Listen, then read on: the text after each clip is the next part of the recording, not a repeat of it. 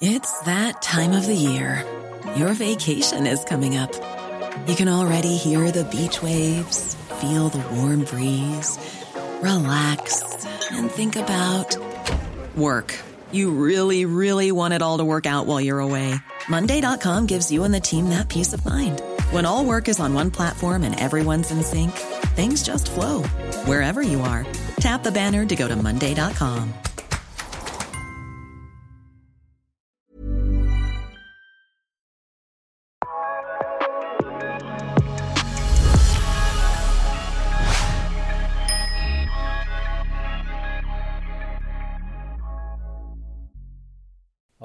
och välkomna till eh, det här avsnittet. Eh, ett sommaravsnitt. Tänkte eh, titta tillbaka lite på historiken i svensk innebandy.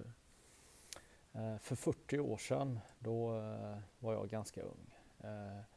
På våren så tittade jag på när Carola Häggkvist vann Melodifestivalen med Främling. IFK Göteborg vann Eh, sitt andra SM-guld. Jag spelade fotboll i IFK Göteborg och eh, ishockey i Västra Frölunda IF som de hette då. Eh, jag spelade innebandy så mycket jag bara kunde på skolgården hemma, på fritidsgården i eh, Hisingen Kärra. Och ja, jag var som de flesta andra unga eh, bolltokig och eh, längtade till alla raster. För eh, på skolan så var det ju rasterna som var grejen. Det var innebandy, det var fotboll. Vi hade ju mycket ytor för att spela. Vi hade ju två, eller ja, nästan tre fotbollsplaner. Och då var det ju grus, eh, inget plastgräs som idag. Vi, eh, hade, vi spelade innebandy på eh, asfalten.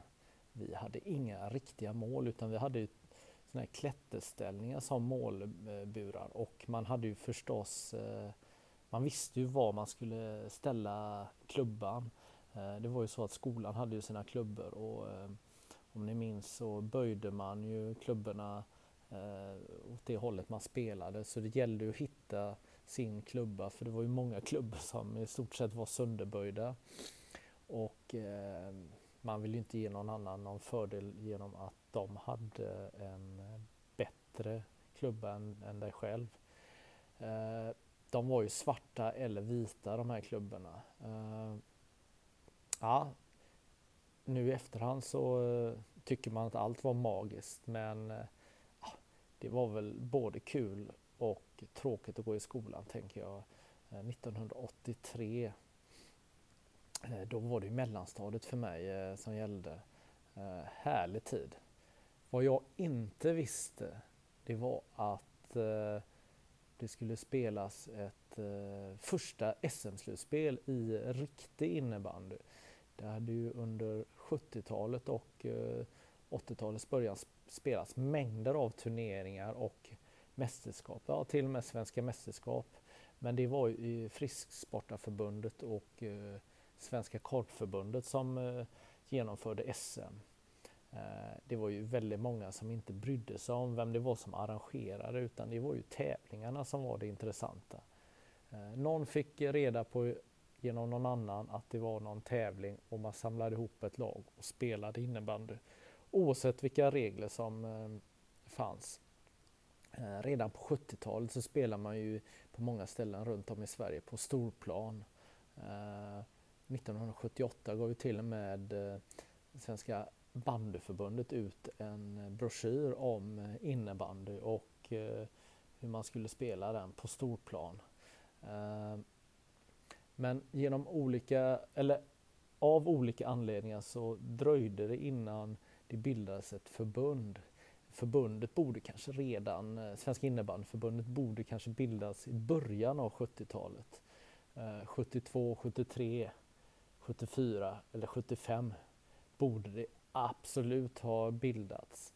Men det var ingen som ville ta den pucken för det fanns redan verksamhet. Skolorna spelade, eh, arbetsplatser spelades det på, fritidsgårdar spelades på. ja, det spelades innebandy överallt på 70-talet. Och eh, ofta så hamnade ju unga killar och tjejer i tidningen genom att spela sådana här dygnet runt turneringar i innebandy. Det var ju väldigt populärt eh, under väldigt många år. Eh, och eh, eh, det var just det här, innebandyn var ju så spontan. Det var det som gjorde att eh, innebandyn växte så lavinartat på 70-talet. Eh, men eh, en bit in på 80-talet så bildades till slut ett eh, innebandyförbund. Dels genom Christer Gustafsson och Andra Citrom som eh, eh, fick till ett bildande av ett förbund. Men under de här första åren så var det ju inte Svenska innebandyförbundet som var den starka, vad ska man kalla det, inte draghästen, eller vad säger man? Det var inte den starka motorn i svensk innebandy utan det var ju eh, Eh, Svenska Korpenförbundet var ju den stora eh, aktören i, eh, i eh, svensk innebandy en bra bit in på 80-talet. Eh, man hade ju 25 000 spelare redan eh, i mitten av 70-talet som bara höll på med innebandy. Det var en av anledningarna till att Svenska Korpförbundet fick ett stort uppsving på Eh, 70-talet. Eh, det var ju tack vare innebandy att den dök upp och det startade serier över hela landet. Eh, innebandyn hade ju ett enormt fäste i studentstäderna och i de stora städerna som Stockholm, Göteborg, Malmö. Det var ju där som innebandyn var som störst och det var där den var mest organiserad på 70-talet och eh, i början av 80-talet. Men ett sidospår blev sen ett huvudspår.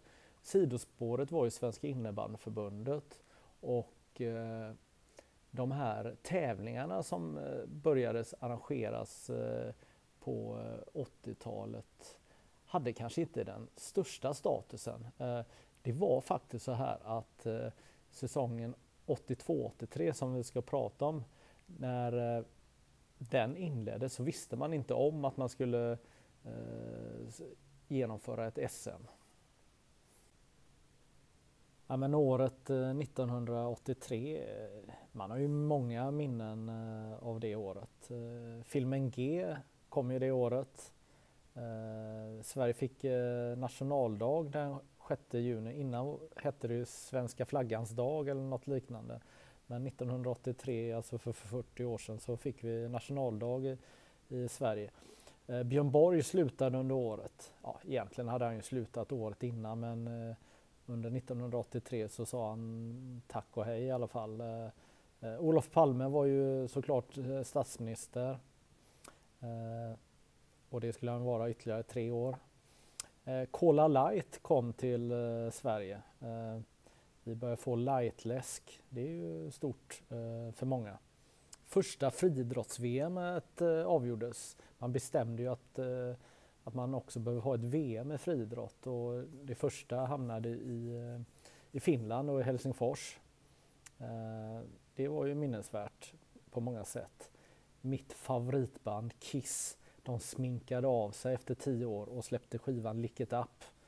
Eh, Aids första dödsfallet i Sverige dök upp då. Eh, och det var ju på den tiden där man dog av aids och eh, det var ju en hemsk sjukdom som satte skräck i hela världen på 80-talet. Eh, vad jag inte minns det är ju att Djurgården blev eh, hockeymästare.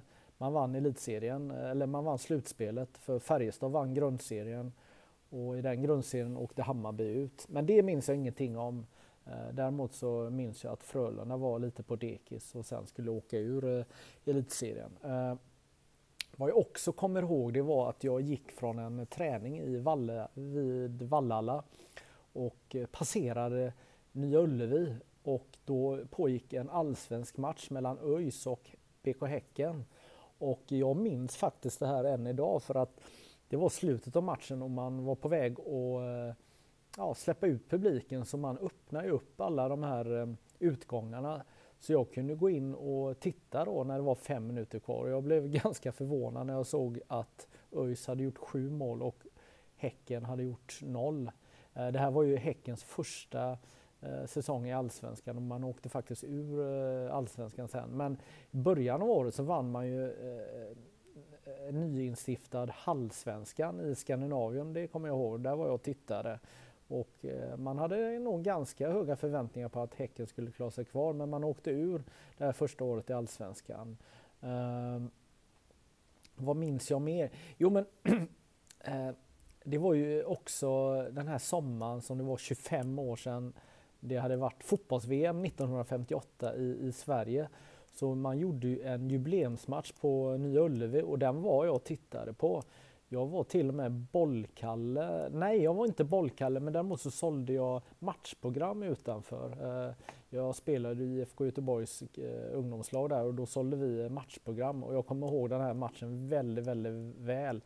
Eh, det blev 3-3, det var otroligt varmt och Sverige spelade i vita tröjor, det kommer jag ihåg var jättekonstigt. Det var ju första gången Sverige spelade vita reservtröjor och så spelade Brasilien i, i i gula tröjor tror jag.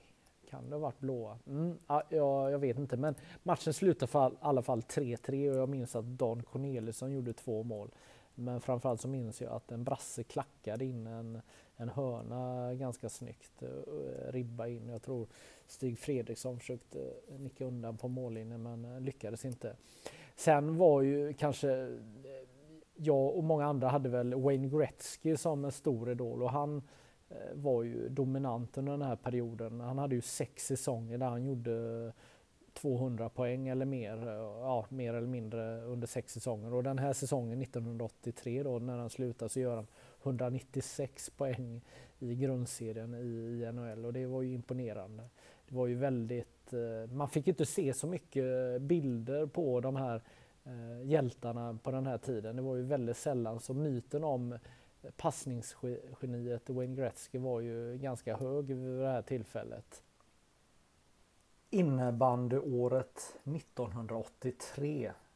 40 år sedan. Jag vet inte riktigt var jag ska börja någonstans. Det är så otroligt mycket att eh, berätta om det här året. Eh, våren 83 så spelar man första slutspelet någonsin. Eh, Svenska innebandyförbundet bildas ju eh, i november 1981 och på den här, eh, eller i samband med att man bildas eh, så eh, skickar Mariestadsklubben IBK Marieholm in en, en skrivelse där man mer eller mindre ber om att få arrangera ett SM-slutspel om drygt ett och ett halvt år samtidigt som Mariestad stad firar 450 år. Man tycker att det är en jättebra eh, kombination att, eh, eller ja, därför ska, ska SM-slutspelet eh, avgöras i Mariestad då. Och intresset för innebandy i Mariestad var ju stort så att det var inget dåligt förslag. Och självklart så nappade Svenska innebandyförbundet på detta.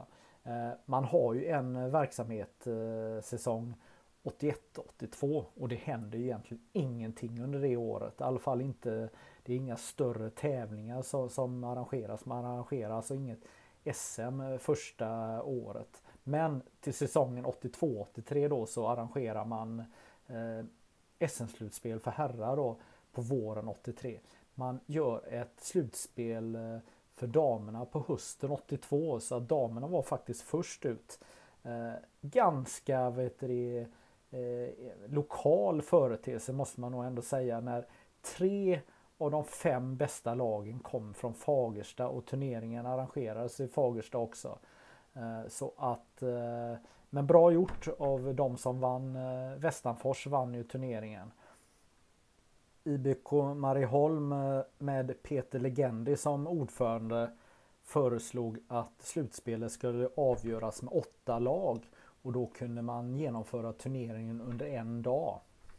Eh, det var deras eh, första förslag. Eh, det korrigerades sen och blev eh, att tio lag skulle spela i två grupper. totalt 24 matcher och man skulle spela 2 gånger 20 matcher i, i slutspelet. Och man skulle spela från lördag morgon klockan 8 till 22.00 på kvällen och sen på söndag från 8 till 12. Det var grundkonceptet då. Eh, man eh, såg till att få till ett kval för att ta sig till det här slutspelet. Och totalt var det 33 lag i fem olika grupper i fem olika städer då som eh, kvalspelade. Det var i Västerås, det var i Sandviken, det var i Vallentuna och det var i Kil och så var det i Köping. I eh, Västerås så eh, eh, hade man ja, ett lag som valde speciellt sätt att övernatta. Man övernattade i spelhallen där som man spelade matcherna. Kruxet var att man inte hade sagt det till arrangörerna så att de blev lite förgrymmade när ett av lagen låg och sov i hallen. Vill du fortsätta lyssna på hela avsnittet? Det kan du göra som Innebandymagasinet Plus-medlem. Logga in på innebandymagasinet.se